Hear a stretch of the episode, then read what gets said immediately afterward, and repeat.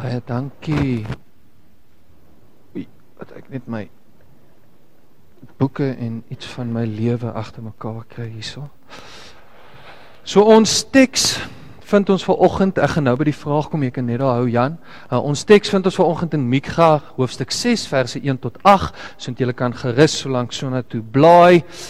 Ons tema of die vraag wat aan die hartjie staan van ons gesprek vanoggend sien ons daarbo. Wat vra God van ons?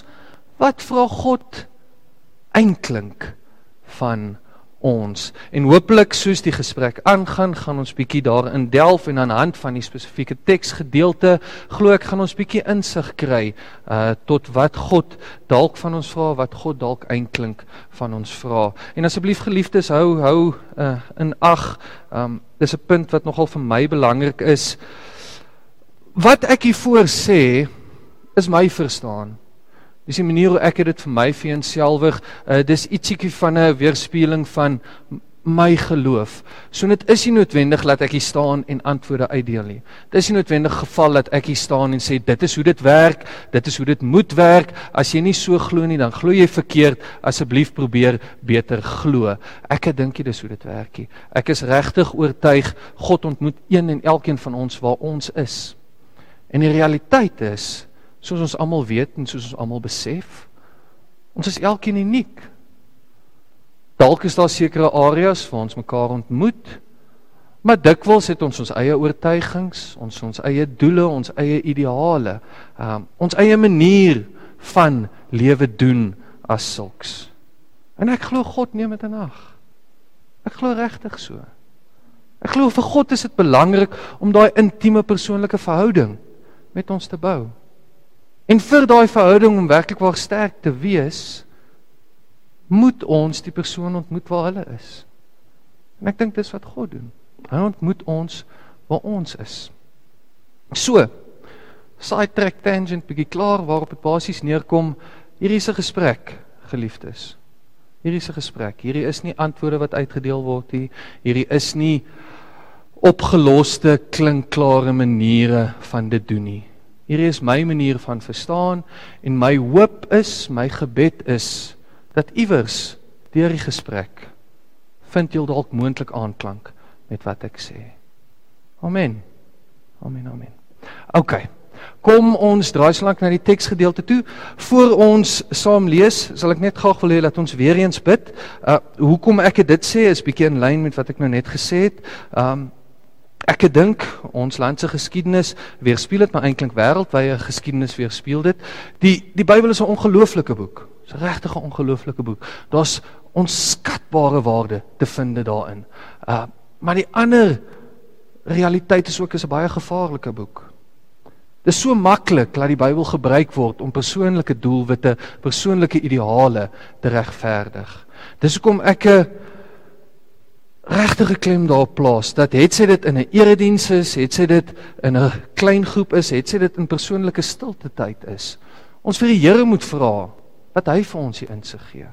Ons vir die Here moet vra dat iets van ons eie stem, iets van ons eie behoeftes, ons eie ideale dalk bietjie minder raak sodat hy bietjie duideliker kan raak. Want ek dink dit is so maklik dat ons in die Bybel inlees wat ons in die Bybel wil inlees. Laat ons iets van die boodskap mis, laat ons iets van God se stem begin mis. So kom ons bid saam. Kom ons sluit die oë. Here, ons vra vanoggend dat U ons oë sal oopmaak om te kan sien, ons ore sal oopmaak om te kan hoor wat dit is wat U vir ons wil wys, wat dit is wat U vir ons wil sê.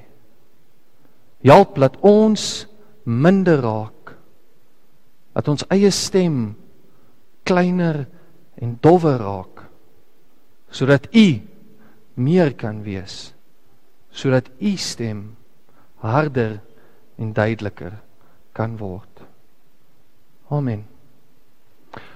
So geliefdes ons lees saam Micha hoofstuk 6 vers 1 tot 8 weer eens hier is die 2020 vertaling uh vinnige verduideliking so in die die twee groot vertalings waarmee ons groot geword het waarby ek groot geword en wat ons almal ken is die 1933 53 en die 1983 en ek seker sommige van julle het al opgelet daar is duidelike verskille tussen die twee. Nou die rede vir daardie verskille is die 33 probeer 'n baie letterlike benadering doen. So dit vat die antieke Hebreëus en die antieke Grieks en dit probeer dit so ver moontlik presies vertaal soos hulle 2000 jaar gelede gepraat het. Wat die 83 probeer doen het, is bietjie anders. Die 83 het dit probeer vertaal in moderne Afrikaans. So dit gebruik spreekwoorde, idiome, metafore wat ons ken vandag. Wat die 2020 probeer doen, dit probeer 'n middeweg vind. Dit probeer so ver moontlik getrou bly aan die oorspronklike tekste, maar terselfdertyd probeer dit ook duidelik kommunikeer in verstaanbare taal sodat ons kan weet wat daar aangaan. So kom ons lees saam Micha hoofstuk 6 vers 1 tot 8. Julle moet hoor wat die Here sê. Staan op, lê 'n klag voor die berge en laat die heuwels jou stem hoor. Luister berge na die aanklag van die Here, luister onwrikbare fondamente van die aarde. Ja, die Here lê 'n klag teen sy volk. Hy het 'n regsaak met Israel.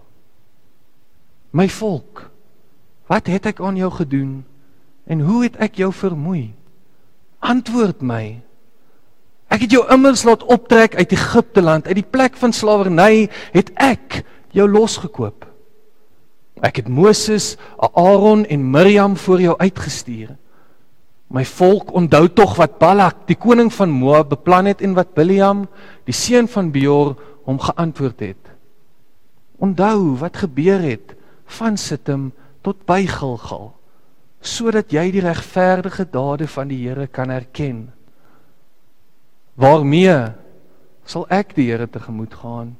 My neerbuig voor die verhewe God, sal ek hom tegemoet gaan met brandoffers en jaaroud kalwers?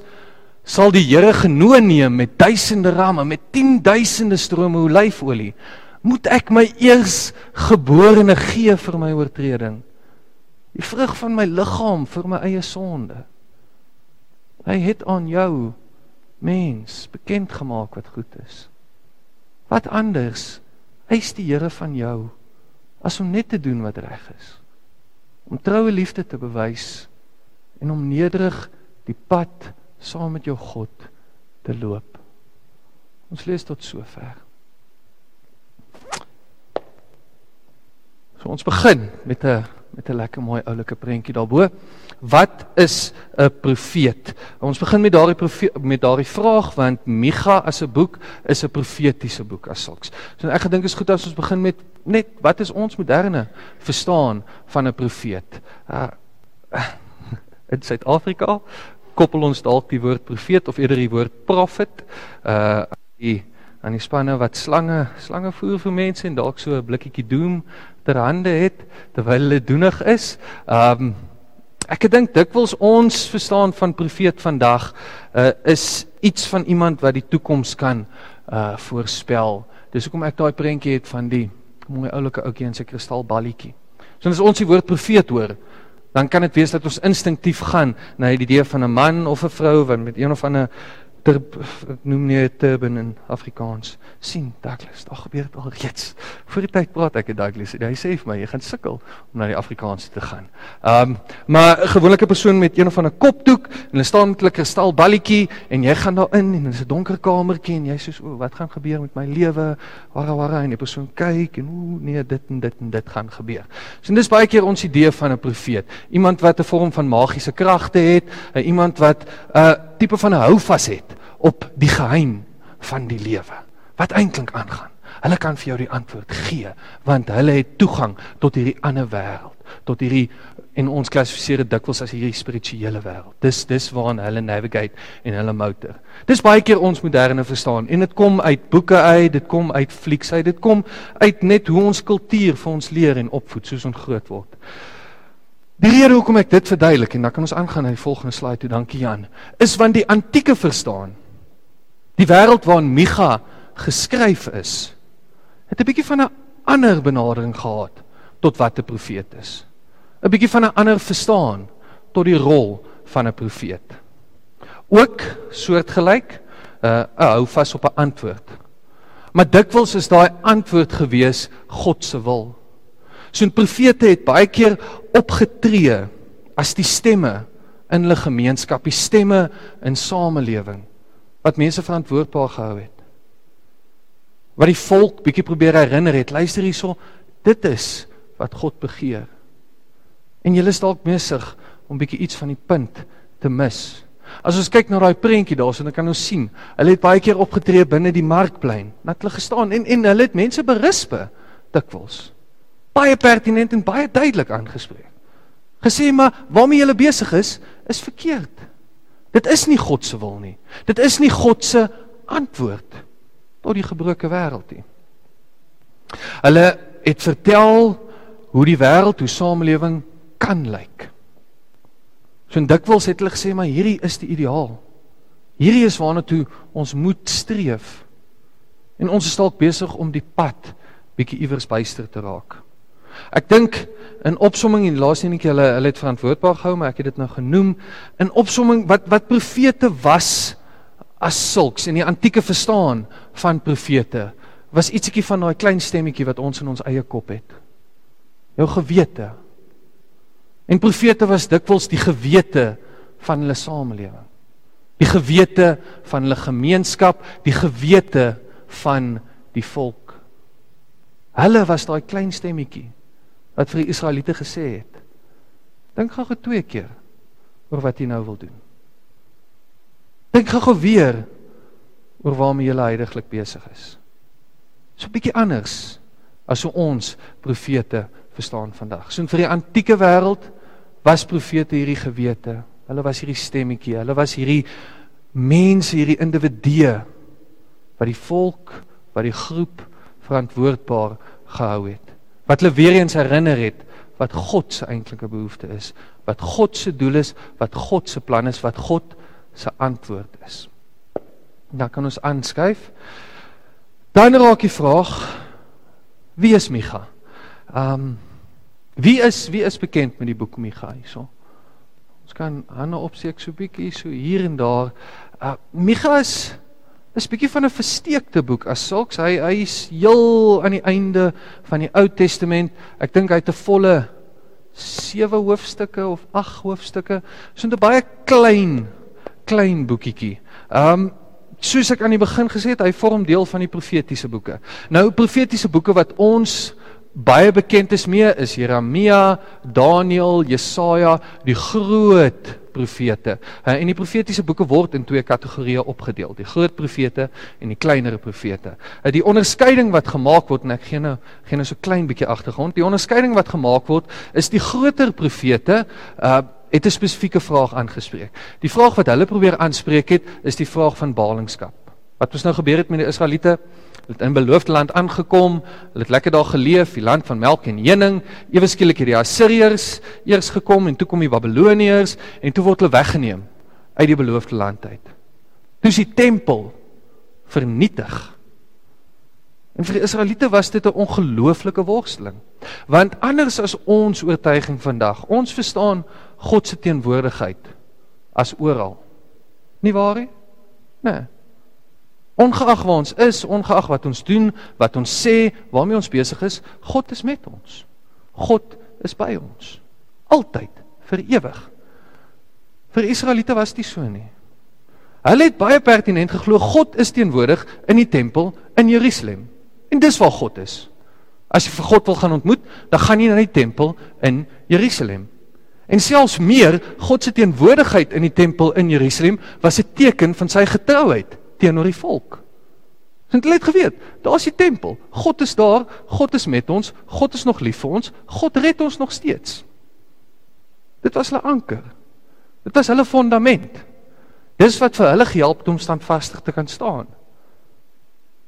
Gebeur die ballingskap, tempel word vernietig en hulle sit met die vraag: Maar waar is God dan nou? Het hy ons verlaat? Hoekom het hy ons verlaat? Hoekom is God ewe skielik weg? Hoekom het hy hierdie belofte weggeneem van ons af? Hoekom het hy ons gestuur na die ander land toe. Wat gaan aan? En die groter profete probeer 'n bietjie daai vraagstuk aanspreek. Hulle wil 'n bietjie vra, "Maar, maar hoe werk dit dan nou?" Wat het dan nou gebeur? Is ons skuldig so sekere dinge wat ons as 'n volk gedoen het wat gemaak het dat God nie meer by ons wil wees nie? Is ons verstaan van God se teenwoordigheid dalk nie heeltemal korrek nie? Waarmee is ons besig? Dis die groter profete, Jeremia, Jesaja, Daniël, die bekende boeke. Kleiner profete spreek bietjie van 'n ander vraagstuk aan. Kleiner profete is meer gerig op die volk self. Soos ons vroeër gesê het, kleiner profete is die gewete van die volk. Hulle is die stemme wat gesê het God het vir ons hierdie beloofde land gegee. God het vir ons gevra om in geregtigheid, in liefde, in deernis, empatie met mekaar saam te leef. Ons is nie besig om dit te doen nie. Kom ons probeer dit gou gaan aanspreek. So 'n groter profete vraag van die ballingskap, waar is God? Kleiner profete die gewete van die volk. En soos ons reeds gesê het, Micha val in kategorie van die kleiner profete. Nou Micha spesifiek, wie was hy? Daar word maar bespiegel en dit is nie heeltemal seker nie, maar word maar bespiegel. Hy was 10 10 in 'n klein skaalse boer gewees in 'n tydperk waar uh groot stukke van die land besig was om opgekoop te word deur groot besigheidsmense in die stad en die koning en sy verskeie amptenare. Uh so daar was 'n groot stuk ongeregtigheid as sulks wat gebeur het binne die beloofde land, binne die volk van Israel. Uh en Micha was toe 10 in een van hierdie kleinskaalse boere wat sy land verloor het as gevolg daarvan want hierdie aankope was nooit regverdig gewees nie. Dit was dikwels 'n geval van ek uh, kom aan met 100 troepe en ek gee vir jou 1 rand vir jou stukkie land. Ons het nou net 'n transaksie gedoen. Ehm um, so nou was daar was verskeie ongeregtighede en ongelykhede wat besig was om te gebeur in die volk. En toe Micha uh vorentoe gekom en bietjie iets van God se oorspronklike antwoord, God se oorspronklike doel, uh God se oorspronklike begeerte en behoefte vir die volk weer eens herinner. Verstaan ons? Ek het nou ongelooflik baie gesê. Maar is is julle nog met my? Kan ek daarom net so kopknik kry? Ek weet dis ek ek ek weet dis vir ons bietjie vreemd in die NG Kerk om om saam te saam te beweeg, maar yes, so ons het hou vas. Groot profete, kleiner profete, mega spesifiek kleiner profeet, gewete van die volk, konteks ongeregtigheid wat besig is om te gebeur te midde van Israel. Daar kan ons aanbeweeg. Dankbaar Jan. As ons nou draai na ons teks self kan ons hom opdeel in 3 gedeeltes. Verse 1 tot 5, verse 6 tot 7 en verse vers 8. Hierdie opdeling, ja, jy kan sommer net regdeur hardloop en dan weer terug gaan aan die begin. Baie dankie, Jan. Um hierdie opdeling doen ons want hierdie teksgedeelte vind eintlik plaas in die vorm van 'n hofsaak as sulks. God wat vorendag kom en 'n aanklag lê teen die Israeliete. En in amper die eerste vers, eerste twee verse, lees ons iets van die die woorde wat ek daar het, is die gravitas van die aanklag, die gewigtigheid daarvan. En hoekom ek so sê, is want wees die getuienis wat God oproep. Dis die berge en die heuwels. Dis skepping self wat God as 'n getuie roep. So net dui vir ons iets aan van die erns waarmee God hierdie saak benader. Die belangrikheid wat dit het, het vir hom. Iets van die diepe frustrasie wat hy het daarmee. En ons gaan nou kom by wat daardie aanklag presies is. Daar wat ons het is jy verstaan my steeds verkeerd in watter opsig verstaan ons vir God verkeerd. Maar dit is baie duidelik dat dit vir God baie belangrik is dat hierdie verstaan bietjie begin skuif. Dat waarmee die Israeliete heidaglik besig is, wat die Israeliete gedoen het, het vir hom dieplik frustreer. Het vir hom pyn veroorsaak, het hom tot 'n mate hartseer gemaak. En hy sê soos berge en heuwels kyk hierso. Kyk, waarmee is my volk besig? Kyk wat doen hulle? Wat gaan aan? En laaste gedeelte dan probeer God vir die Israeliete herinner. Probeer herinner maar, maar Dit is wie ek eintlik is. Die drie voorbeelde wat hy gebruik is en die tweeetjies wat ek al het is verlosser en beskermer, maar die drie voorbeelde is eersins die verlossing wat hy uit Egipte land vir hulle verskaf het. Dis die leierskap wat hy vir hulle het in die vorm van Moses, Aaron en Miriam. Dis hoe hy hulle beskerm het. Soos hulle gewandel het in die woestyn. Want daai twee plekke, Sittim en Gilgal. Sittim is waar hulle begin het met hulle reis. Gilgal is tot 'n mate aan die einde van die woestyn gewees, net voor hulle die beloofde land ingegaan het. So God probeer hulle herinner, dit is wat ek al reeds vir julle gedoen het. Kyk hierso. Het julle dit vergeet? Duidelik het julle dit vergeet. Want julle is besig om my verkeerd te verstaan. Julle is besig om 'n bietjie van 'n ander indruk van my te kry. En ons gaan nou kom by wat daai ander indruk is. Jy kan aanbeweeg, dankbaar Jan. Dan lees ons in verse 6 tot 7 die Israeliete se se antwoord op hierdie aanklag. En die eerste woord in vers 6 dui vir ons aan maar hulle is nog steeds met hierdie misverstand besig. Hulle verstaan nog steeds nie lekker wat God eintlik bedoel nie. Hulle het nog steeds bietjie iets van 'n wanbegrip van waar hierdie aanklag eintlik gaan. Die vers begin met waarmee sal ek die Here tegemoet gaan? En dan gaan dit aan, ehm um, en daar's baie teoloë wat bespiegel dat nee, nee sorry. Ja. Ons baie teoloë wat bespiegel dat in hierdie antwoord is is die Israeliete bietjie besig om asprus te wees in hulle drie vrae wat hulle sit. So hoe ek het opgedeel het, die eerste enetjie is 'n vraag van 'n vraag van kwaliteit. Ehm uh, joh, nou moet ek reg onthou. Gaan gaan dalk terug na die teks toe Jan, asseblief. Ehm um, verse 6 en 7 enetjie waarmee sal ek Here my voor voor die verhewe God sal ek om te gemoed gaan met brandoffers jaaroud kalwers en eerstens 'n vraag van kwaliteit. Jaaroud kalwers was soos die prima gewees op die einde van die dag so dit is moet ook my beste kalwers vir jou bring. Tweede een is 'n vraag van kwantiteit en dit is eintlik 'n belagtige vraag. Moet ek moet ek jou tegemoet kom met duisende ramme met 10 duisende strome olyfolie Laaste een is 'n vraag van belaglikheid eintlik. Moet ek my eersgeborene vir jou bring? En as jy iets weet van die spesifieke konteks, dan besef ons hoe belaglik dit eintlik is. Hoe belaglik daai vraag is.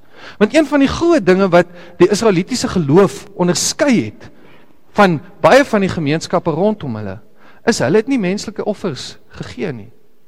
God het pertinent vir hulle gesê, julle moenie menslike offers gee nie.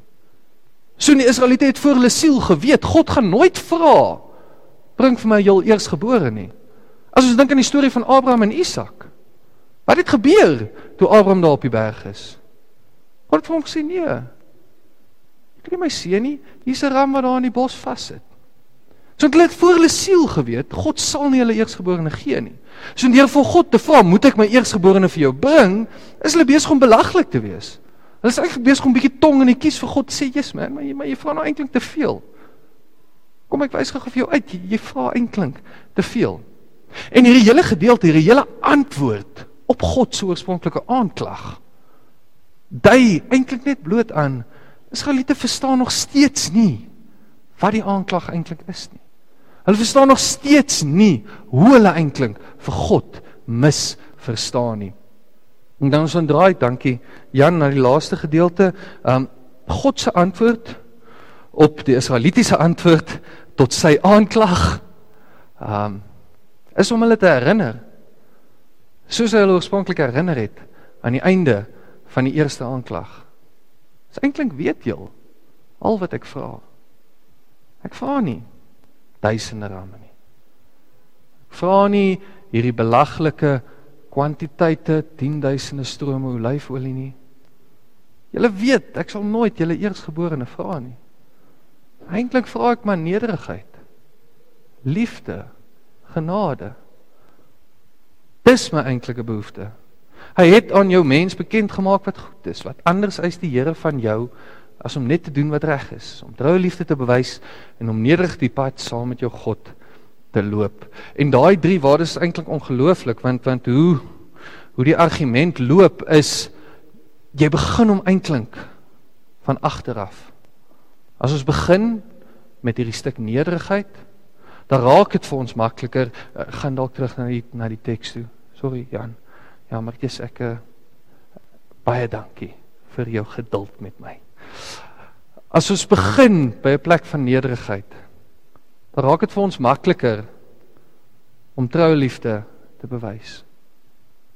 Want deur jouself te verneder en, en ek gaan pertinent daai woord gebruik, deur jouself te verneder, waar is die spasies waar ons dikwels die bereidwilligste is om onsself te verneder?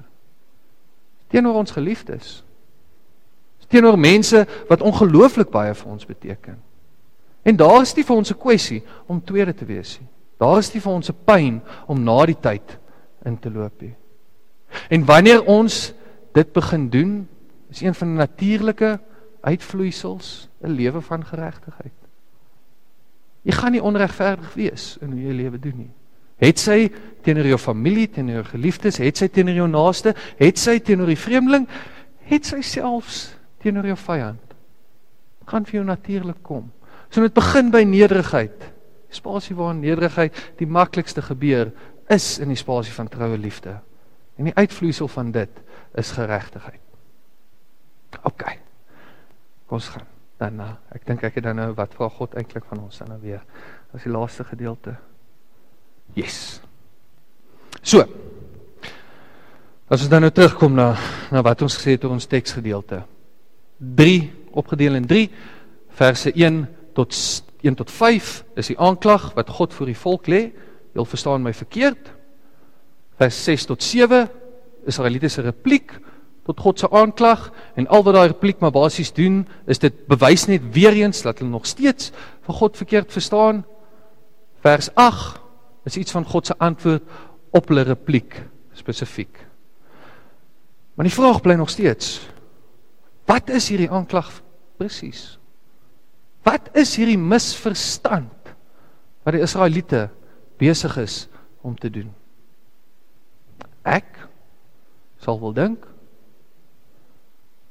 Israeliete het verval in 'n verstaan van hul geloof, 'n verstaan van God wat bietjie iets van 'n ruiltransaksie behels. Israeliete het begin onder die indruk leef dat ek kan doen wat ek wil. Ek kan my lewe leef soos ek dit graag wil leef. Solank ek net die regte brandoffers bring. Solank ek net die regte rituele volg. Solank ek net volgens die verskeie reëls en wette in die Torah leef. Dan is ek fyn. Dan is ek uitgesort. Dit gaan vir God please om 'n Engelse woord te gebruik. Dit gaan maak dat God my meer gaan seën, dit gaan maak dat God my meer lief gaan hê, dit gaan maak dat God meer van sy genade teenoor my gaan uitstort. In vers 5 en 4 Waar herinner God die Israeliete? Waarmee begin hy? Ek het jou vrygekoop, losgekoop uit Egipte uit geen spesifieke rede nie. Niks wat julle gedoen het het gemaak dat ek julle gekies het bo die ander mense nie. Julle as 'n volk was nie beter as die mense rondom hulle nie. Julle was nie meer uniek as die res nie. Ek het julle gekies want ek kan julle kies. Ek het julle verlos want ek kan julle verlos. Ek het julle beskerm, ek het julle gelei, ek het julle die beloofde land gegee want ek kan dit doen want ek wil dit doen, want ek gaan dit doen. Want ek is God. Dit is nie as gevolg van julle optredes gewees nie. Dit is as gevolg van die feit dat julle een of ander opregte lewe geleef het nie. Was nie as 'n gevolg van die feit dat julle beter is as die mense rondom julle nie. God het die Israeliete gekies want hy wou hulle kies. En geliefdes, dis die misverstand. Volgens my altans. Dis 'n misverstand. Israeliete het vergeet dat die liefde, die genade, die verlossing wat vanaf God kom, is onvoorwaardelik. Dit word nie verdien nie. Dit word nie uitgedeel as gevolg van hulle aksies, hulle woorde, hulle dade nie. Dit vloei net van hierdie bron. Konstant, daagliks, elke liewe sekonde van elke liewe minuut vloei dit net. Sy genade stort oor ons uit heeltyd konstant. Ons het voor gesê, ons weet God is by ons. Ongeag wat ons doen, wat ons sê, waarmee ons besig is, of dit goed of sleg, reg of verkeerd is, God is daar. En ek sal dit verder vervat. Sy genade is daar. Sy liefde is daar, sy verlossing is daar. Niks wat ons doen maak dat ons meer van dit kry nie. Niks wat ons sê, niks wat ons gee maak dat ons meer van dit kry nie. En dit wil voorkom aan die hand van hierdie teks dat dit ongelooflik belangrik is vir God dat mense dit so verstaan. Hy roep die skepping om as getuienis op te tree daarvoor. God wil nie hê ons moet dink ons kan sy genade koop nie. God wil nie hê ons moet dink hy gaan meer lief wees vir ons as ons beter lewens lei nie. Ek dink die God wil hê ons moet dink hy gaan ons meer verlos omdat ons meer doen nie. En wanneer ons gekonfronteer word met dit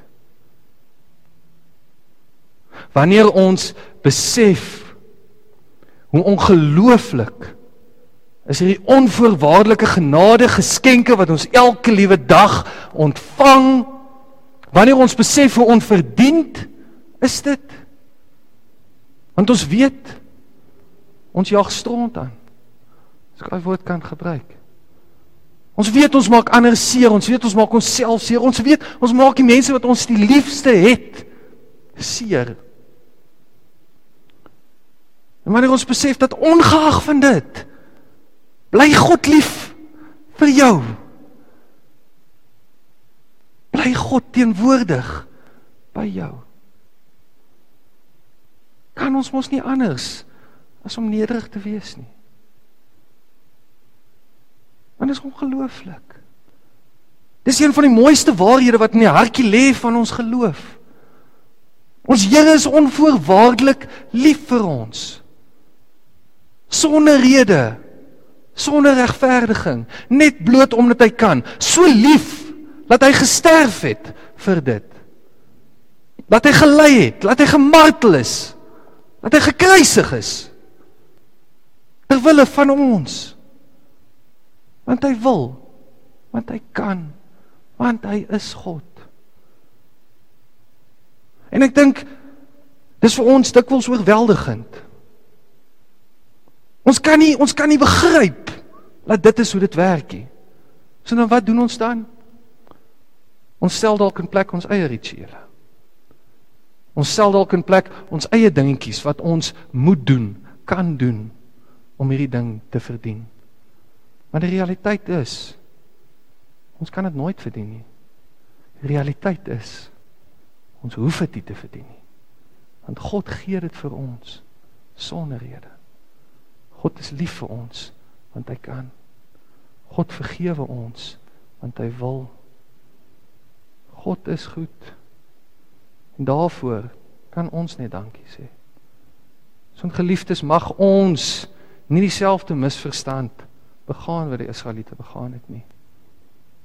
Mag ons begin leef in 'n nederige bewustheid van God se onvoorwaardelike natuur.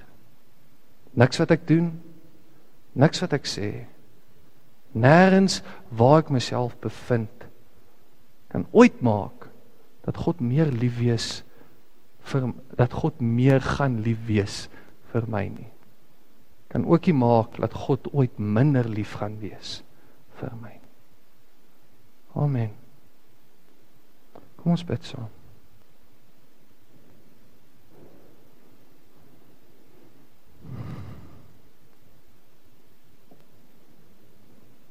Dankie. Dankie. Dankie. Dankie, Here.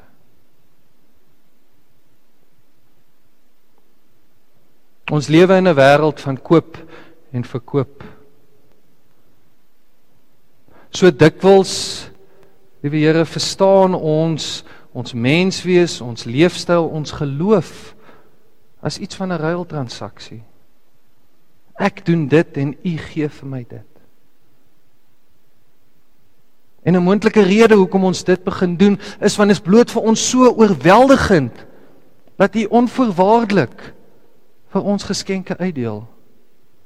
Ons kan dit nie begryp nie. Dit is vir ons moeilik. Ons kan dit nie verstaan nie. Tog wil dit voorkom asof dit die geval is, die Here. U is so lief vir ons, U is so betrokke by ons, U is so invested in een en elkeen van ons dat U net wil gee. Dat U ons net wil seën, dat U ons net wil lief hê ongeag van wat ons doen. Of dit nou reg of verkeerd is, ongeag van wat ons doen, wil U ons net lief hê. Maak ons oë oop om dit meer te begin sien, liewe Here. Maak ons ore oop om meer en meer u liefdesstem te begin hoor. Dankie vir u onvoorwaardelikheid. Help ons om ook bietjie meer onvoorwaardelik te begin leef in ons eie wêreld. In u naam alleen. Amen. Kom ons staan en sing ons saam